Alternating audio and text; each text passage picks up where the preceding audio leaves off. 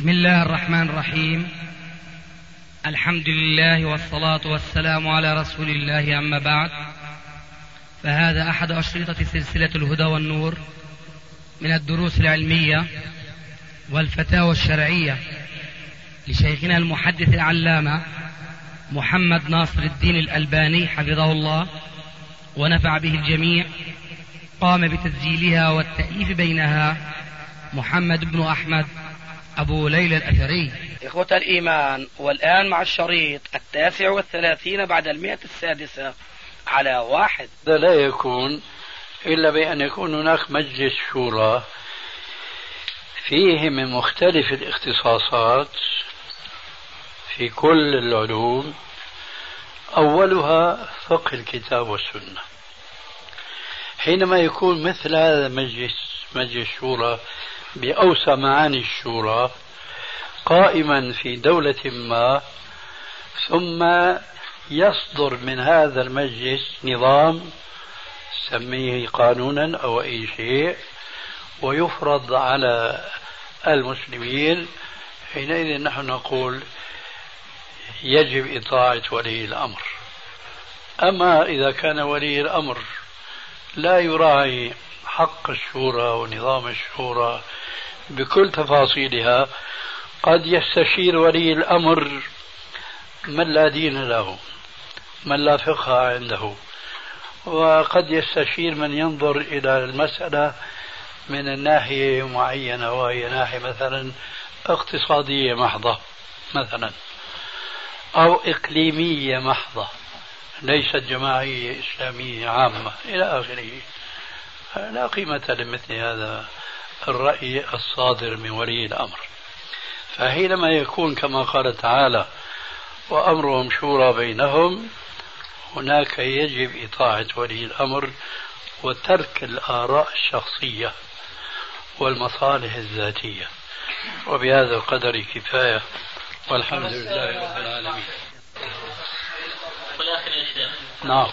بعض هؤلاء الموظفين متعاقد مع مؤسسة ليعمل ثمان ساعات. فبعد ذلك يذهب ويعمل في وقته الإضافي من وقته. هذا الذي قاله. ولكن المشكلة تكمن في في أن موظف المؤسسة إذا اشتغل في الوقت الراحة يأتي للدوام وهو متعب ولا يستطيع أن يؤدي العمل كما يؤدي إذا يا أخي كان هي الملاحظة منوافق عليها على بياض. هي مثل الملاحظة التي أوردتها على تلك الشركة. ما تسلم معاملة من مثل هذه ال- العثرات مثلا أو الاعتراضات؟ فلما تكون القضية هكذا نقول نحن نعم. يعني الآن آه، أئمة المساجد أئمة المساجد مكلفون بوظيفة بتدريس إلى آخره لما يروح يشتغل بشغل ثاني وهذا أيضا خلاف النظام ما يتفرغ للعلم ولا يتفرغ للتدريس. هذا واضح أنه لا يجوز. لكن نحن نقول إذا كان ليس هناك مثل هذا المحظور الذي ذكرته فولي الأمر هنا يطاع بالشرط الذي ذكرناه آنفا. ممكن لا يعمل ممكن رجل لا يعمل يعني يلتزم بعمله لكنه يذهب فيسهر في بيته. ولا يخرج من بيته ويأتي على العمل ب... لذلك قلت للأخ هنا أنه هذه قضية خاصة. نعم. أنا سئلت من عندكم من من السعودية من شخص لطيف جدا في كلامه. بيقول أنا موظف على الكمبيوتر لكن لا أعمل شيئا. هل يجوز لي ألا أحضر؟ قلت له لا لا يجوز أن لا تحضر. قال لي إيش تسوي؟ أنا بشتغل شيء ثاني. لا أنت لازم تحضر ما دام موظف. وما دام هم لا يقدمون لك عملا. فأنت هذا الراتب الذي تأخذه هو حلال لك. لكن على عكس من ذلك أن تدع عملك لتذهب ويدرس العلم. هكذا كان سؤاله. يدرس العلم يحضر مجالس ال- في المساجد والى اخره لأنه بيقول أنا ليس عندي عمل واخذ راتب وليس عندي عمل. قلت له يجب أن تلتزم الدوام الرسمي. بعد ذلك افعل ما تشاء. هذا مثال ما ذكرت بارك الله فيك. رجل لا يعمل. فلماذا لا يعمل؟ في مثل هذه القضية لأنه مأخوذ عليه شرط. لا هذا الشرط لا يعمل إذا كان كما قلنا آنفا. أما لأنه أحيانا يترتب من وراء عمله الشخص الإضافي إخلال بعمله الرسمي. هذا واضح أنه لا يجوز. شيخنا السؤال كالتالي آه، يقول كيفية التفريق بين أركان الحج وواجباته؟ هذا السؤال لا يمكن الجواب عليه بكلام موجد. وإنما يراعى في ذلك الأدلة. والأدلة تختلف من منسك إلى آخر. فمثلا الوقوف في عرفة. آه، ما الدليل على كونه ركنا؟ قوله عليه السلام الحج عرفة. ما الدليل على أنه صلاة الفجر في المزدلفة ركن؟ فالجواب بالنسبة لهذا يختلف عن ذاك وهو أن النبي صلى الله عليه وسلم قرن صلاة الصبح في المزدلفة بالوقوف مع على عرفة. وبالإضافة إلى هذا القرن قال من وقف من صلى صلاتنا هذه معنا في جمع وكان وقف في عرفة ساعة من ليل أو نهار فقد قضى تفاثه وتم حجه. آه، طواف الإفاضة مثلا يختلف كل الاختلاف عن آه، الدليل لكونه ركنا هذا بالنسبة لما علمته وإنما هو اتفاق العلماء على اعتباره ركنا. ولعل أقول هذا لعل من أدلتهم في ذلك وهي ملاحظة دقيقة أن النبي صلى الله عليه وسلم لما عزم على الرجوع إلى المدينة وأعلن ذلك بين أصحابه قال بعض أهله إن صفية قد حاضت. فقال عليه الصلاة والسلام أحابستنا هي؟ قالوا يا رسول الله. قد طافت طواف الإفاضة قال فلتنفر إذا فأولا أمره عليه السلام أمرا عاما بطواف الوداع. وقوله عليه السلام بعد أن فهم أو أخبر بأن صفية كانت قد طافت طواف الإفاضة فأذن أن تنفر.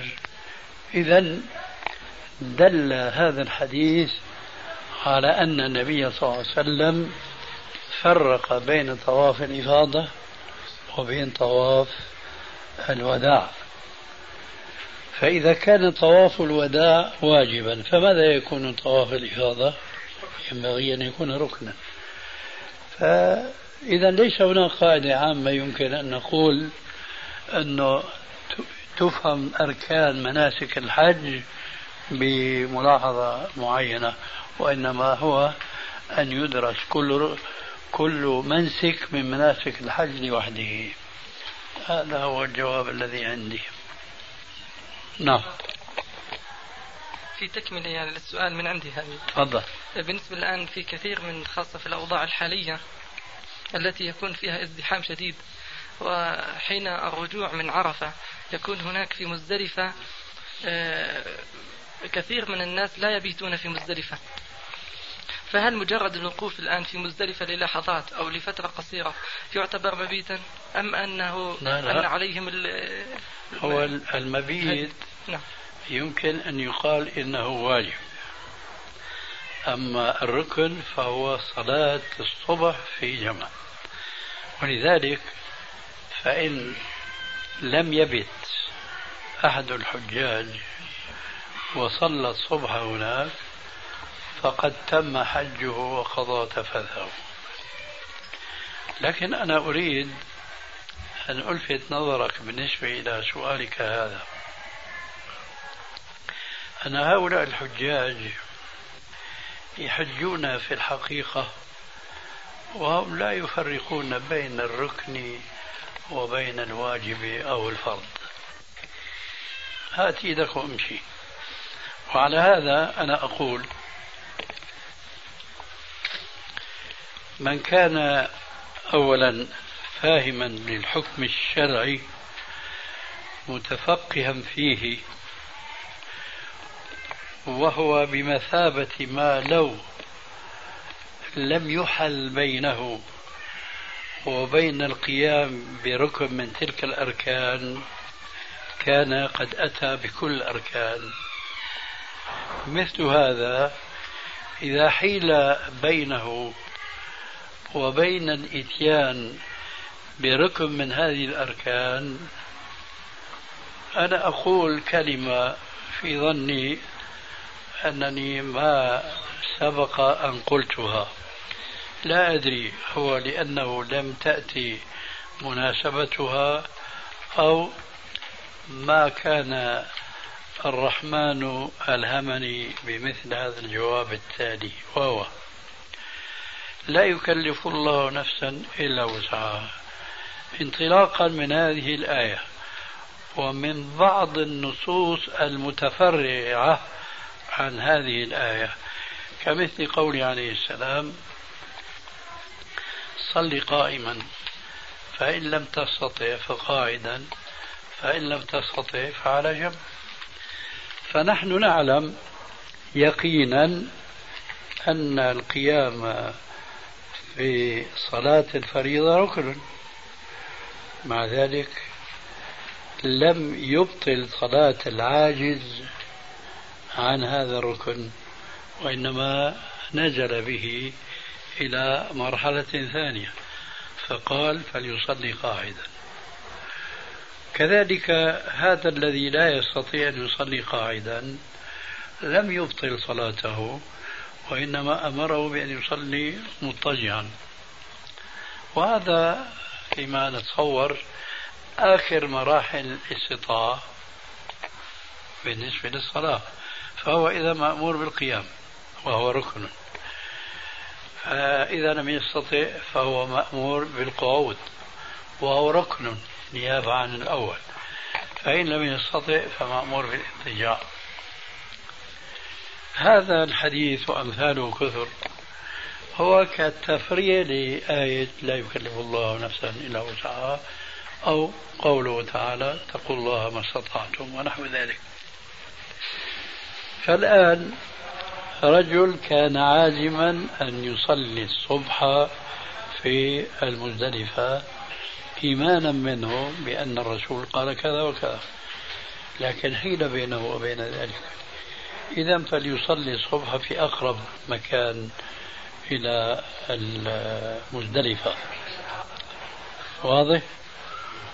الله يجزيك الخير يا شيخنا. فرجت كرب كثيرة من الناس. ما شاء الله. اي والله. لكن ما أظن كذلك لا أنا والله الحمد من لا أنا ما أظن. وصلينا من فضل الله. لا لا بس أنا ما أظن هذا لأنه أنا أرجو أن تلاحظ قيدي صحيح صحيح. إيه. نعم. إذا كنت لاحظت معي هذا شيخنا. فجزاك الله خير. لأنه حتى إخواننا شيخنا بعض إخواننا الحريصين هذا العام. آه. منعوهم الشرطة تأتي وتمنعهم من النزول حتى وطئ الأرض.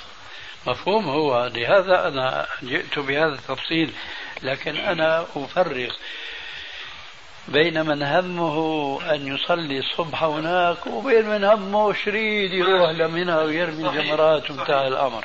جزاكم الله خير. هذا تقرير دقيق جدا. طيب شيخنا الفتح الرباني اللي ربنا سبحانه وتعالى فتح عليك فيه نسأل الله أن يزيدك من هذه الفتوحات. ألا تنطبق على من تلد حملها يوم أن يكون بعد نزولها من عرفة ومن مزدلفة ومن منى وتريد أن تطوف طواف الإفاضة ولم تستطع. وبقي لها أربعين يوم. وجماعة بدهم يسافروا لا نحن أجبنا عن هذا مرارا وتكرارا. أهلا وسهلا لما لم تكمل سلامك؟ لما لم تكمل. ما قلت لك؟ لما لم تسلم؟ السلام عليكم.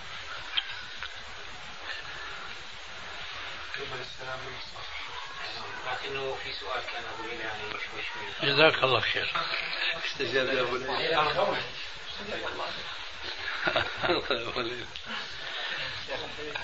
آه، المسألة هذه تعالج يا أخي.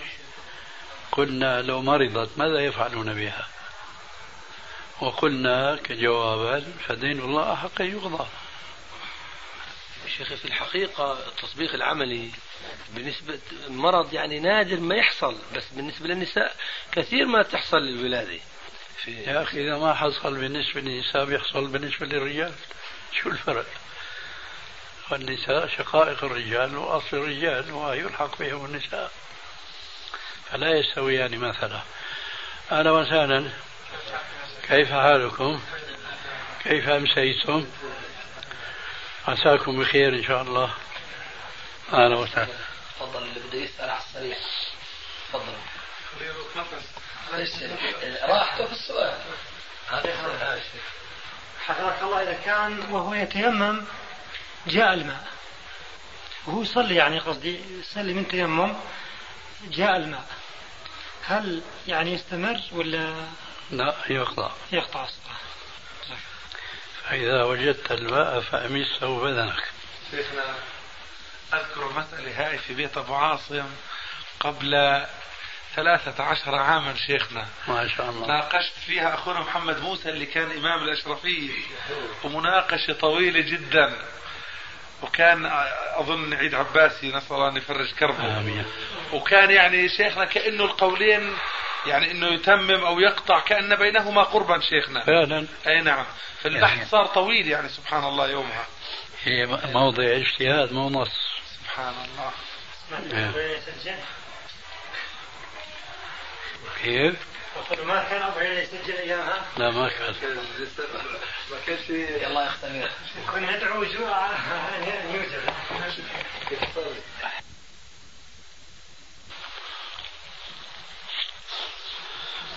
طيب الفاكهة راح يصير نص الليل. مو هيك شايف. يلا بس ما بدنا نفاجئه.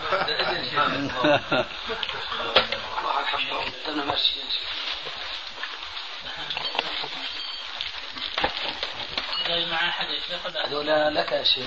شو هذا؟ مع احد هذول هذول يا شيخ نعم. هذول نعم هذول من جزائريين؟ هذه رسالة من عبد العظيم. طيب. جزاك الله خير. الله يبارك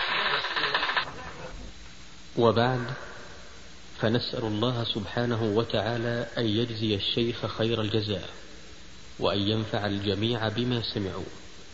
وإلى لقاء مع الشريط التالي. أيها الإخوة انتهت مادة هذا الشريط ولأنه بقي في الشريط متسع فيسرنا إكماله بهذه المادة. وهذه كلمة أخرى موجزة مختصرة في رد ونقض هذا المنهج أي منهج الموازنات وهي للعلامة سماحة الشيخ ابن باز عندما سئل المبتدع متى لا تذكر محاسنه؟ وكان هذا في درسه التعليق على الوابل الصيب في الشريط الخامس من الوجه الأول. المبتدع متى لا تذكر محاسنه المبتدع متى لا تذكر محاسنه من أظهر البدع يحذر من بدعته ويترك تلك محاسنه من أظهر البدع يحذر من بدعته ويعرض عن المحاسن. لأن المقصود التحذير من الشر وهو المقصود بين المحاسن. الله والاستغفار قال قال قد أهلكت بذنوب نعم. صحيح؟ ما أعرف حال سنده لكن معناه صحيح. في النصوص الأخرى أو النصوص الأخرى تدل على واستغفروا الله إن الله غفور رحيم. يا أيها الناس الله ذكرا كثيرا وسبحوا بكرة وأصيلا. والذاكرين الله كثيرا والذاكرات يقول الرسول صلى الله عليه وسلم سبق المفردون قيل من المفردون؟ قال الذاكر الله كثيرا والذاكرات. الآيات والأحاديث فيها كفاية. ذكر ابن القيم في الطب النبوي رقية عن بعض السلف للعين وقال إنها نفعت بأنها هي حجر حبس حابس وحجر يابس وشهاب قابس. رددت عين العين عليه. ما لها حصل. الآيات القرآنية الصلاة تكفى. قال الحافظ ابن القيم رحمه الله تعالى في باب فو... في فوائد ذكر الله تعالى ولنذكر فصولا نافعة تتعلق بالذكر تكميلا للفائدة. الفصل الأول أنواع الذكر. الذكر نوعان أحدهما ذكر أسماء الرب تبارك وتعالى وصفاته والثناء عليه والثناء عليه بهما وتنزيهه وتقديسه عما لا يليق به تبارك وتعالى. وهذا أيضا نوعان أحدهما إنشاء الثناء عليه بها من الذاكر وهذا النوع هو المذكور في الأحاديث نحو سبحان الله والحمد لله ولا إله إلا الله والله أكبر وسبحان الله وبحمده ولا إله إلا الله وحده لا شريك له له الملك وله الحمد وهو على كل شيء قدير ونحو ذلك. فأفضل هذا النوع أجمعه للثناء للثناء وأعمه نحو سبحان الله عدد خلقه. فهذا أفضل من مجرد سبحان الله. وقولك الحمد لله عدد ما خلق في السماء وعدد ما خلق في الأرض وعدد ما بينهما وعدد ما هو خالق أفضل من مجرد قولك الحمد لله. وهذا في حديث جويرية رضي الله عنها أن النبي صلى الله عليه وسلم قال لها لقد لقد قلت بعدك أربع كلمات ثلاث مرات لو وزنت بما قلت منذ اليوم لوزنتهن سبحان الله وبحمده عدد خلقه سبحان الله رضا نفسه سبحان الله زنة عرشه. سبحان الله مداد كلماته رواه مسلم. وفي الترمذي وسنن أبي داود عن سعد بن أبي وقاص رضي الله عنه أنه دخل مع رسول الله صلى الله عليه وسلم على امرأة بين يديها نواة أو حصى تسبح بها فقال أخبر أخبرك بما هو أيسر عليك من هذا أو أفضل. فقال سبحان الله عدد ما خلق في السماء وسبحان الله عدد ما خلق في الأرض وسبحان الله عدد ما بين ذلك وسبحان الله عدد ما هو خالق. والله أكبر مثل ذلك والحمد لله مثل ذلك ولا إله إلا الله مثل ذلك ولا حول ولا قوة إلا بالله مثل ذلك.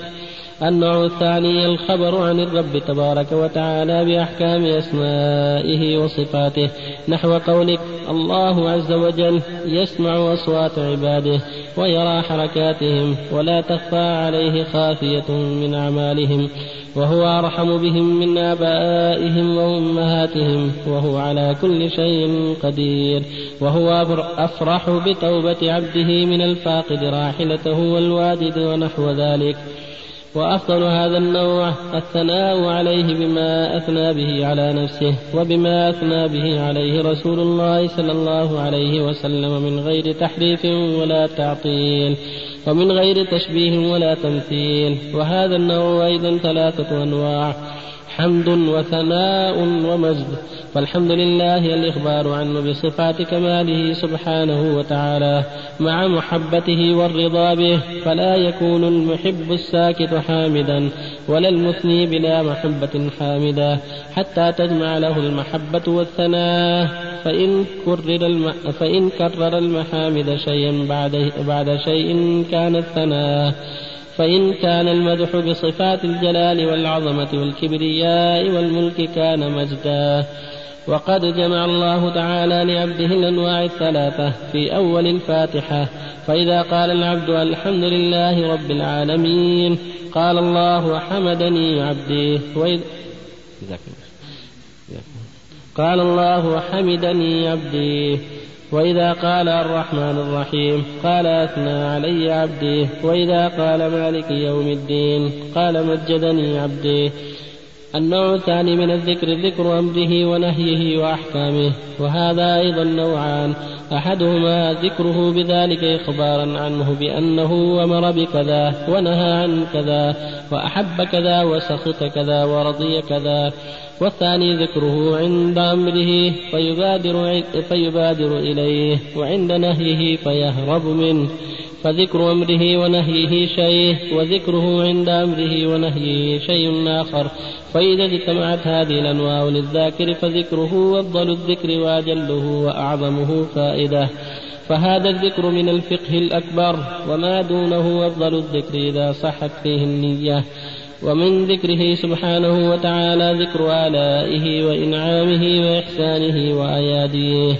ومواقع فضله على عبيده وهذا أيضا من أجل أنواع الذكر.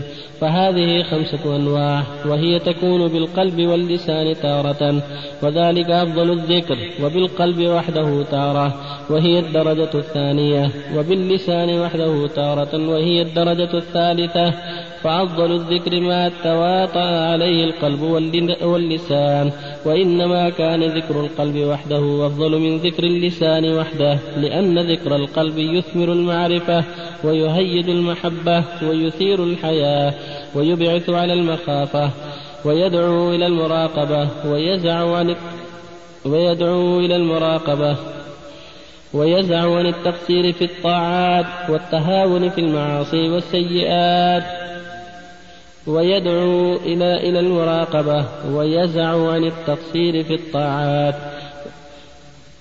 والتهاون في المعاصي والسيئات وذكر اللسان وحده لا يوجب شيئا من هذه الآثار وإن أثمر شيئا منها فثمرة ضعيفة.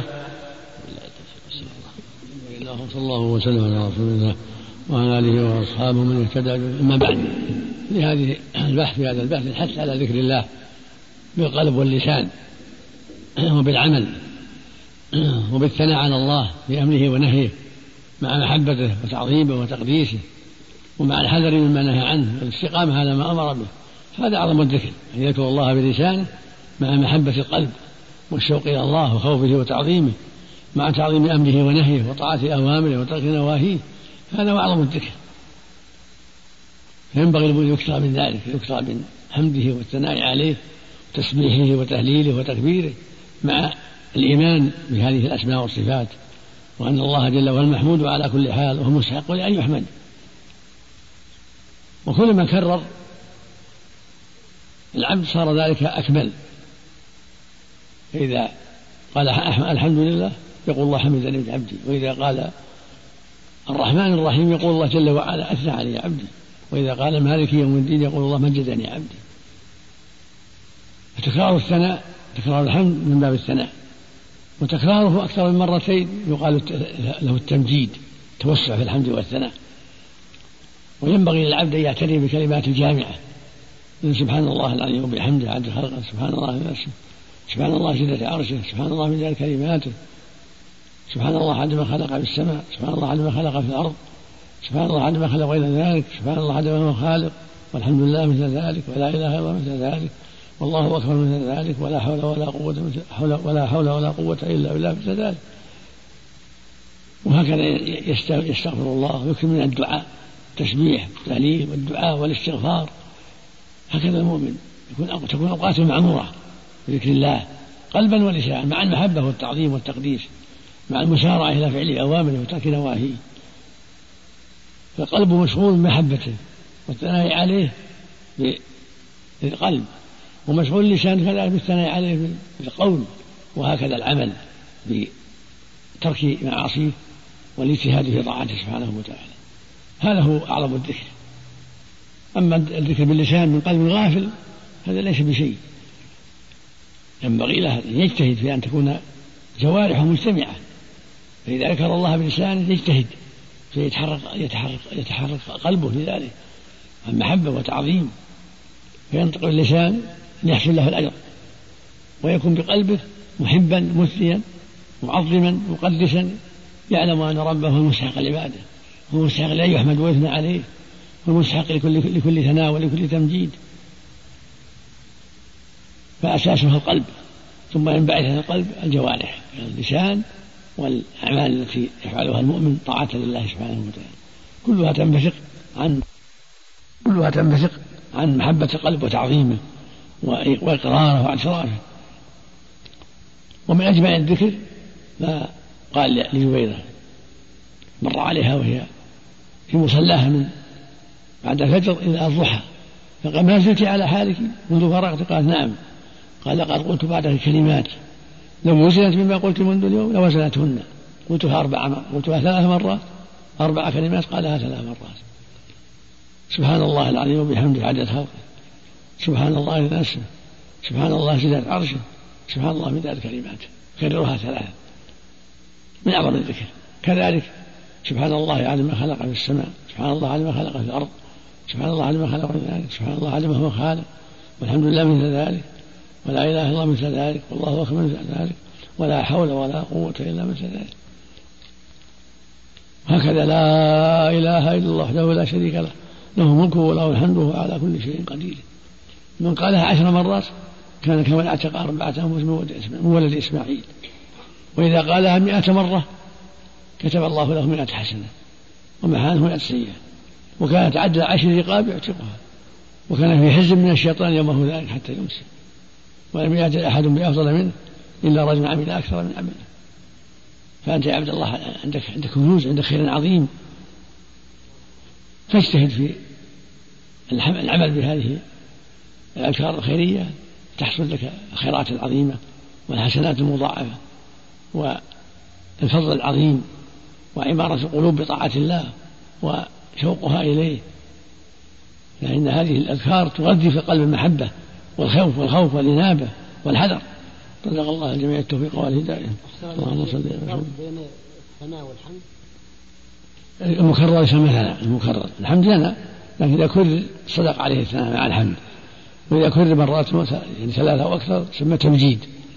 قوله في الحديث فحمد الله وأثنى عليه. يعني كرر يقول الله جل وعلا في الحمد إذا قال عبد الحمد لله قال الله حمدني عبدي. وإذا قال الرحمن الرحيم قال الله أثنى علي عبدي. وإذا قال مالك يوم الدين قال الله مجدني عبدي.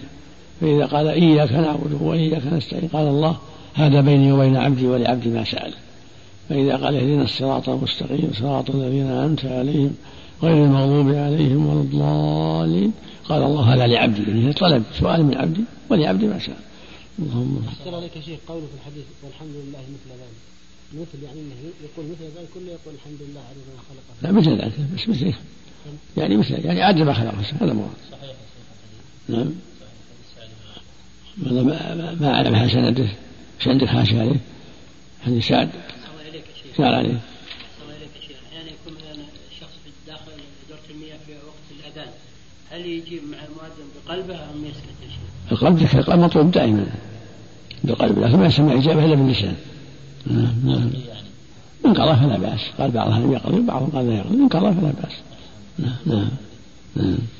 رواه أبو داود في الصلاة باب التسليم بالحسن والترمذي في الدعوات نعم. دعاء النبي وتعوذه في دبر النساء ورواه أيضا ابن حبان مواد في الأذكار باب في فضل تسليمة عند وهو حديث حسن بشواهد وقال الترمذي هذا حديث حسن ضعيف وانظر شرح شرح الأذكار لابن حبان الله المستعان الحديث الماضي دعاء الخروج من المنزل هل يقول بسم, بسم الله توكلت على الله ولا حول ولا قوه الا بالله أو يقول يزيد عليها اللهم نعوذ ان ضل أو أو زل أو ولا كله بسم, الله توكلت على الله ولا حول ولا قوة إلا بالله اللهم إني أعوذ أن أضل أو أضل أو أزل أو أزل أو أظلم أو أظلم أو أجهل أو يجهل علي مستحب كله ثابت. كله ثابت نعم. نعم. بسم الله آمنت بالله ولا بسم الله توكلت بسم الله توكلت على الله ولا حول ولا قوة إلا بالله. هذا ثابت. بسم الله توكلت على الله ولا حول ولا قوة إلا أنا بالله. أحسن الله إليك الدعاء سواء كان خارج إلى الصلاة أو إلى من المنزل. أو إلى غيره. أو إلى غيره. جزاك الله عليه اللهم وجعل في قلبي نورا هذا المسجد. إذا كان المسجد يزيد فيه الله وجعل بسم الله قبل الوضوء في الحمام عزك الله. هل يعني يرفع صوته أو في بسمه توضأ في الحمام قلبه لا لا يأتي به لأنه واجب عند قوم من العلم جماعة من العلم لا يصلي ولو في الحمام ولو في الحمام لأن غاية ما أنه يكره عند بعض العلم في الحمام وهذا واجب عند كثير من العلم أو متأكد عند الآخرين. ما تكون في القلب. ما لا باللسان. قال الحافظ ابن القيم رحمه الله تعالى الفصل الثاني الذكر أفضل من الدعاء. لأن الذكر ثناء على الله عز وجل بجميل أوصافه وآلائه وأسمائه والدعاء سؤال العبد حاجته فأين هذا من هذا؟ ولهذا جاء في الحديث من شغله ذكري عن مسألتي أعطيته أفضل ما أعطي السائلين. ولهذا كان المستحب في الدعاء أن يبدأ الداعي بحمد الله تعالى والثناء عليه بين يدي حاجته ثم يسأل حاجته. كما في حديث فضالة بن عبيد أن رسول الله صلى الله عليه وسلم سمع رجلا يدعو في صلاته لم يحمد الله تعالى ولم يصل على النبي صلى الله عليه وسلم. فقال رسول الله صلى الله عليه وسلم لقد عجل هذا. ثم دعاه فقال له أو لغيره إذا صلى أحدكم فليبدأ بتمجيد ربه عز وجل والثناء عليه ثم يصلي على النبي صلى الله عليه وسلم ثم يدعو بعد بما شاء. رواه الإمام أحمد والترمذي وقال حديث حسن صحيح ورواه الحاكم في صحيحه. وهكذا دعاء ذي النون عليه السلام الذي قال فيه النبي صلى الله عليه وسلم دعوة أخي ذي النون ما دعا بها مكروب إلا فرج الله كربته. لا إله إلا أنت سبحانك إني كنت من الظالمين. وفي الترمذي دعوة أخي ذي النون إذا دعا وهو في بطن الحوت. جزاكم الله وفي نعم. جزاكم الله وفي الترمذي دعوة أخي ذي النون إذ دعا وهو في بطن في بطن الحوت. لا إله إلا لا لا إله إلا أنت سبحانك إني كنت من الظالمين. فإنه لم يدع بها مسلم في شيء قط إلا استجاب الله له. وهكذا عامة الأدعية النبوية على قائلها أفضل الصلاة والسلام. ومنه قوله صلى الله عليه وسلم في دعاء الكرب لا إله إلا الله العظيم الحليم. لا إله إلا الله رب العرش العظيم. لا إله إلا هو لا إله إلا الله رب السماوات ورب الأرض ورب العرش الكريم. ومن حديث بريدة الأسلمي الذي رواه أهل السنن وابن حبان في صحيحه أن رسول الله صلى الله عليه وسلم سمع رجلا يدعو وهو يقول اللهم إني أسألك بأني أشهد أن أنك الله لا إله إلا أنت الأحد الصمد الذي لم يلد ولم يولد ولم يكن له كفوا أحد. فقال والذي نفسي بيده لقد سأل الله والذي نفسي بيده لقد سأل الله باسمه الأعظم الذي إذا دعي به أجاب وإذا سئل به أعطاه. وروى أبو داود والنسائي من حديث أنس رضي الله عنه أنه, أنه كان مع النبي صلى الله عليه وسلم جالسا ورجل يصلي ثم دعاه اللهم إني أسألك بأن لك الحمد. لا إله إلا أنت. لا إله إلا أنت المنان بديع السماوات والأرض. يا ذا الجلال والإكرام. يا حي يا قيوم. فقال النبي صلى الله عليه وسلم لقد دعا الله باسمه الأعظم الذي إذا دعي به أجاب وإذا سئل به أعطاه. فأخبر النبي صلى الله عليه وسلم أن الدعاء يستجاب إذا تقدمه هذا الثناء والذكر وأنه الاسم الأعظم وأنه اسم الله الأعظم. فكان ذكر الله عز وجل والثناء عليه أنجح ما طلب به العبد حوائجه. وهذه فائدة أخرى من فوائد الذكر والثناء أنه يجعل الدعاء مستجابا فالدعاء الذي يتقدمه الذكر فالدعاء الذي يتقدمه الذكر والثناء أفضل وأقرب إلى الإجابة من الدعاء المجرد. فإن انضاف إلى ذلك إخبار العبد بحاله ومسكنته وافتقاره واعترافه. كان أبلغ, كان أبلغ في, في الإجابة وأفضل. فإنه يكون قد توسل المدعو بصفات كماله وإحسانه وفضله. وعرض بل صرح بشدة حاجته وضرورته وفقره ومسكنته فهذا المقتضى منه وأوصاف المسؤول مقتضى من الله. فأجمع المقتضي من السائل وال فأجمع المقتضى المقتضي من السائل والمقتضي من المسؤول في الدعاء. فاجتمع المقتضي من السائل والمقتضي من المسؤول في الدعاء. وكان أبلغ وألطف موقعا وأتم معرفة وعبودية. وأنت ترى في الشاهد ولله المثل الأعلى أن الرجل إذا توسل إلى من يريد معروفه بكرمه وجوده وبره وذكر حاجته وذكر حاجته هو وفقره ومسكنته كان أعطف لقلب المسؤول. وأقرب, وأقرب لقضاء حاجته. فإذا قال له أنت جودك قد سارت به الركبان وفضلك كالشمس لا تنكر ونحو ذلك. وقد بلغ وقد بلغت بي الحاجة والضرورة مبلغا لا صبر معه ونحو ذلك.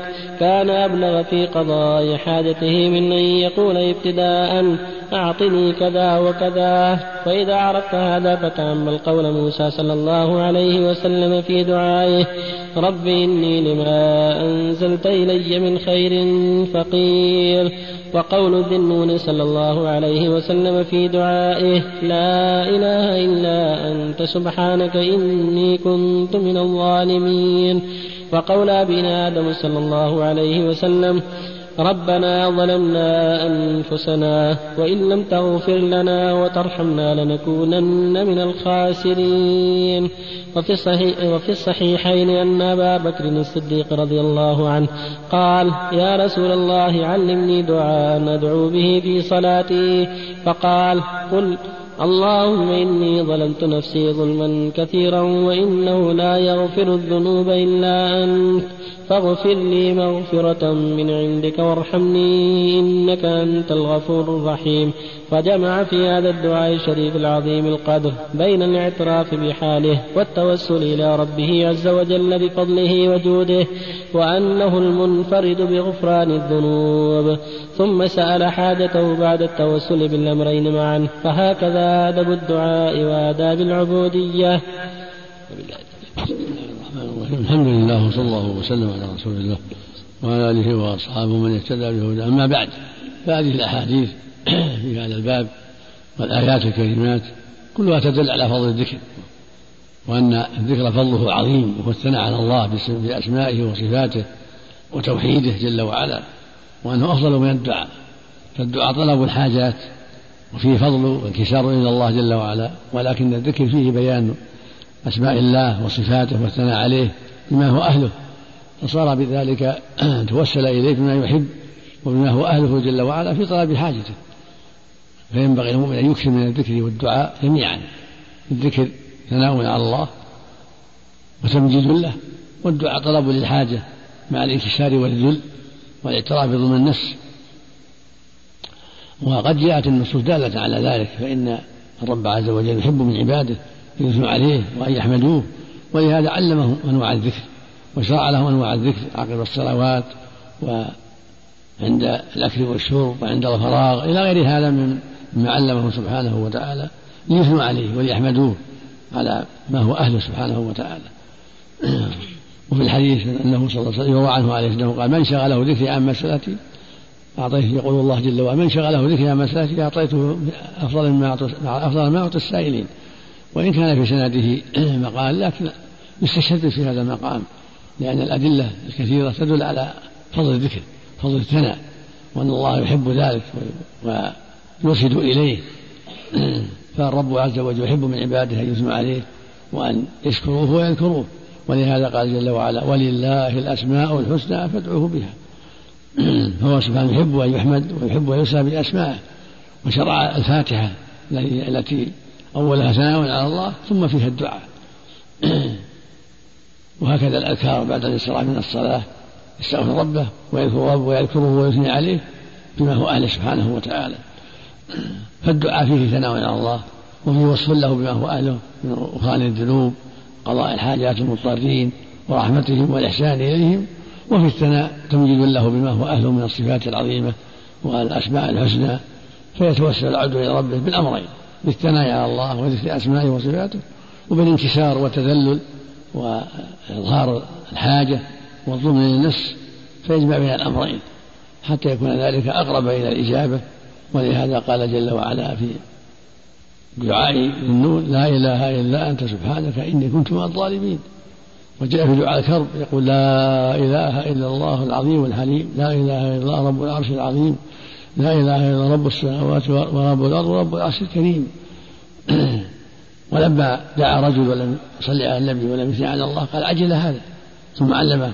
قال إذا دعا أحد فليبدأ بتحميد ربه فليبدأ بتحميد ربه والثناء عليه ثم يصلي على النبي صلى الله عليه وسلم ثم يدعو بما شاء. فالثناء على الله وحمده وذكره والصلاة على النبي صلى الله عليه وسلم في مقدمات الدعاء من أسباب الإجابة. رزق الله جميع التوفيق والهداية. اسم الله الأعظم ورد في أكثر من حديث أنه الحي القيوم. المعنى المعنى العظيم. يعني مقتضى هذا والله أعلم. لأنه جاء هذا في أحاديث كثيرة الأعظم. هو الله أعلم معناه الاسم العظيم اسم التفضيل بمعنى العظيم.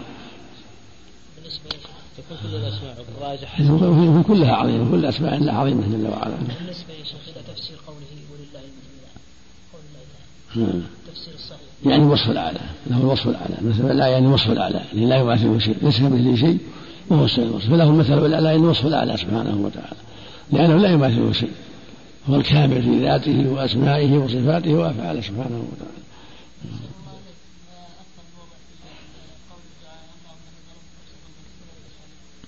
هذا يقوله في آخر الصلاة قبل أن يسلم وإن قال بعد السلام ما يخالف بعد الذكر لكن في الدعاء قبل السلام أجود وأفضل لأن محل الدعاء وفي كل وقت يدعو. اللهم إذا أنت في كل لكن جاء في حديث الصديق أدعو في صلاتي قال وفي بيتي كما روى مسلم في بيتي أيضا يدعو في صلاته في بيته في الطريق في أي مكان. دعاء عظيم.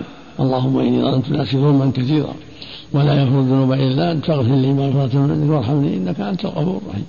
هو دعاء عظيم. يدعو في صلاته في السجود في آخر التحيات بعد ذلك في الدعاء في أي وقت.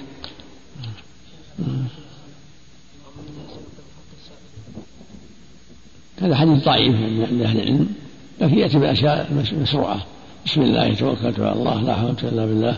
اللهم إني أعوذ أن أضل أو أضل أو أزل أو أجل أو أظلم أو أظلم أو أجهل أو أجهل علي إذا خرج من بيته الصلاة وغيرها. وزيادة إذا خرج الصلاة اللهم اجعل في قلبي نورا وفي سمعي نورا وفي بصري نورا. وفي لساني نورا وفي شعري نورا وفي بشري نورا وفي عظمي نورا وفي لحمي نورا وفي عصبي نورا وفي دمي نورا وأمامي نورا وخلفي نورا وعن يميني نورا وعن شمالي نورا وفوقي نورا وتحتي نورا اللهم أعطني نورا وزدني نورا وأعظم نورا هذه في حديث ابن عباس الصحيح إذا خرج للصلاة نعم. شيخ. بالنسبة للوضع مثلا في السيارة مثلا الأذكار اللي هو دعاء ركوب السيارة ودعاء السفر ودعاء دخول القرية. اللي توضع مثلا في السائق يعني. ملصقة. فيها شيء شيء كان قصد قصد قصد التذكير ما في شيء. ما إذا قصد التذكير ما في ما ما أعلم في شيء. إذا قصد التذكير يعني. نعم. التوحيد انها كالتميم هذا في اللي علقها لقصد الحماية. اللي قصدها نية إنها تحمل السيارة. نعم. أما إذا قصدها علقها للتذكير فلا بأس. أحسن الله عليك. امرأة. لم تصم السنة التي مضت وكانت في حالة مرض وهي تأكل العلاج إلى يومنا هذا ويدركها رمضان وهي مريضة. ماذا عليها أحسن تقضي إذا شفت إلا إذا قرر المرض هذا يرجى برأة تطعم عن كل يوم مسكين إذا علم أن المرض هذا يرجى مثل الشيخ الكبير والعجوز الكبيرة. يطعم عن كل يوم مسكين أما إذا كان ترجو العافية ما هو ما يبس يؤجل حتى تشفى ثم تقضي. ومن كان مريضا فعدة من أيام أخرى. نعم السلام من المصلي عن يمينه إذا لا ما يقدر مد اليد ما يقدر لا أبدا ما في شيء إن شاء الله مد اليد ما يضر. أفضلها قبل السلام. أحسن الله عليك. لأنه محل الدعاء الأطفال الذين رأوا النبي صلى الله عليه وسلم كالطفل الذي رفعته أمه الخثعمية الحج وقال صحابي. هذا. هؤلاء صحابة. إيه، اللي رأى النبي ومؤمن تبعا لأهله صحابي. رآه النبي صلى الله عليه وسلم قدم للنبي حنكة. ما يشترط البلوغ أحسن الله لا ما يشترط. جزاك الله خير. قال الحافظ ابن القيم رحمه الله تعالى في فوائد ذكر الله تعالى الفصل الثالث قراءة القرآن أفضل من الذكر. قراءة القرآن أفضل من الذكر والذكر أفضل من الدعاء. هذا من حيث النظر إلى كل منهما مجردا. وقد يعرض للمفضول ما يجعله أولى من الفاضل بل يعينه فلا يجوز أن يعد بل يعينه فلا يجوز أن يعدل عنه إلى الفاضل وهذا كالتسبيح في الركوع والسجود فإنه أفضل من قراءة القرآن فيهما بل القراءة فيهما منهي عنها نهي تحريم أو كراهة وكذلك التسميع والتحميد في محلهما أفضل من القراءة وكذلك التشهد وكذلك رب اغفر لي وارحمني واهدني وعافني وارزقني بين السجدتين أفضل من القراءة وكذلك الذكر عقيب السلام من الصلاة ذكر ذكر التهليل والتسبيح والتح والتسبيح والتكبير والتحميد أفضل من الاشتغال عنه بالقراءة وكذلك إجابة المؤذن والقول كما يقول أفضل من القراءة والقول كما والقول كما يقول أفضل من القراءة. وإن, وإن كان فضل القرآن على كل كلام كفضل الله تعالى على خلقه لكن لكل مقام مقال. متى فات مقاله فيه؟ وعدل عنه إلى غيره. اختلت الحكمة وفاتت المصلحة المطلوبة منه. وهكذا الأذكار المقيدة بمحال بمحال مخصوص بمحال مخصوصة أفضل من القراءة المطلقة والقراءة المطلقة أفضل من الأذكار المطلقة. اللهم إلا أن يعرض للعبد ما يجعل الذكرى بالدعاء أنفع له من قراءة القرآن. مثاله أن يتفكر في ذنوبه فيحدث ذلك له توبة واستغفار. أو يعرض له ما يخاف أذاه من شياطين الإنس والجن فيعدل إلى الأذكار والدعوات التي تحصنه وتحوطه. وكذلك أيضا قد يعرض للعبد حاجة. وكذلك أيضا, أيضا قد يعرض للعبد حاجة ضرورية. إذا اشتغل عن سؤالها بقراءة أو ذكر لم يحضر قلبه فيهما وإذا أقبل على سؤالها والدعاء لها اجتمع قلبه كله على الله تعالى وأحدث له تضرعا وخشوعا وابتهالا. فهذا قد يكون اشتغاله بالدعاء والحالة هذه ينفعه وإن كان كل من القراءة والذكر أفضل وأعظم أجرا وهذا باب نافع يحتاج إلى فقه نفس وفرقان بين فضيلة الشيء في نفسه وبين فضيلته العارضة. فيعطى كل ذي حق حقه ويوضع كل شيء موضعه. فللعين موضع وللرجل موضع وللماء موضع وللحم موضع. وحفظ, وحفظ المراتب هو من, من, تمام من تمام الحكمة التي هي نظام الأمر والنهي. والله تعالى الموفق. وهكذا الصابون والأشنان أنفع للثوب في وقت والتجمير وماء الورد وكيه أنفع له في وقت. وقلت لشيخ الإسلام ابن تيمية رحمه الله تعالى يوما سئل بعض أهل, العلم أيما أنفع للعبد؟ التسبيح أو الاستغفار فقال إذا كان الثوب نقيا فالبخور وماء الورد أنفع له. وإن كان دنسا فالصابون والماء الحار أنفع له. فقال لي رحمه الله تعالى فكيف والثياب لا تزال دنسة؟ ومن هذا الباب أن سورة قل هو الله أحد تعدل ثلث القرآن ومع هذا فلا تقوم مقام آيات المواريث والطلاق والخلاء والعدد ونحوها. بل هذه الآيات في وقتها وعند الحاجة إليها أنفع, أنفع من تلاوة سورة الإخلاص. ولما كانت الصلاة مشتملة على القراءة والذكر والدعاء وهي جامعة لأجزاء العبودية على أتم الوجوه كانت أفضل من كل أفضل من كل من القراءة والذكر والدعاء بمفرده لجمع ذلك كله مع عبودية سائر الأعضاء. فهذا أصل نافع جدا يفتح للعبد باب معرفة مراتب مراتب الأعمال وتنزيلها منازلها لئلا يشتغل بمفضولها عن فاضلها فيربح إبليس الفضل الذي بينهما أو ينظر إلى فاضلها فيشتغل به عن مفضولها وإن كان ذلك وقته فتفوته مصلحته بالكلية لظنه أن اشتغاله بالفاضل أكثر ثوابا وأعظم أجرا. وهكذا يحتاج إلى معرفة إلى معرفة بمراتب الأعمال وتفاوتها ومقاصدها وفقه في إعطاء كل عمل منها حقه. وتنزيله في مرتبته وتفويته لما هو أهم منه أو تفويت ما هو أولى منه وأفضل لإمكان تداركه والعودة والعود إليه. وهذا المفضول إن فات لا يمكن تداركه, تداركه. فالاشتغال به أولى وهذا كترك القراءة لرد السلام وتشميت وتشميت العاطس وإن كان القرآن وإن كان القرآن أفضل لأنه يمكن الاشتغال بهذا المفضول والعود إلى الفاضل بخلاف ما إذا اشتغل بالقراءة فاتت مصلحة رد السلام وتشميت وتشميت العاطس وهكذا سائر الأعمال إذا تزاحمت. والله تعالى الموفق. وصلى الله على نبينا محمد. صلى الله وسلم على رسول الله وعلى آله وأصحابه ومن اهتدى أما بعد هذا بحث عظيم مفيد فيما يتعلق بالتفاضل بين الأعمال وبين الأذكار والدعاء والقرآن. فالقرآن هو أفضل الذكر. القرآن هو كلام الله وهو أفضل الذكر. ثم يليه بقية الأذكار من التسبيح والتهليل والتحميد وغير ذلك.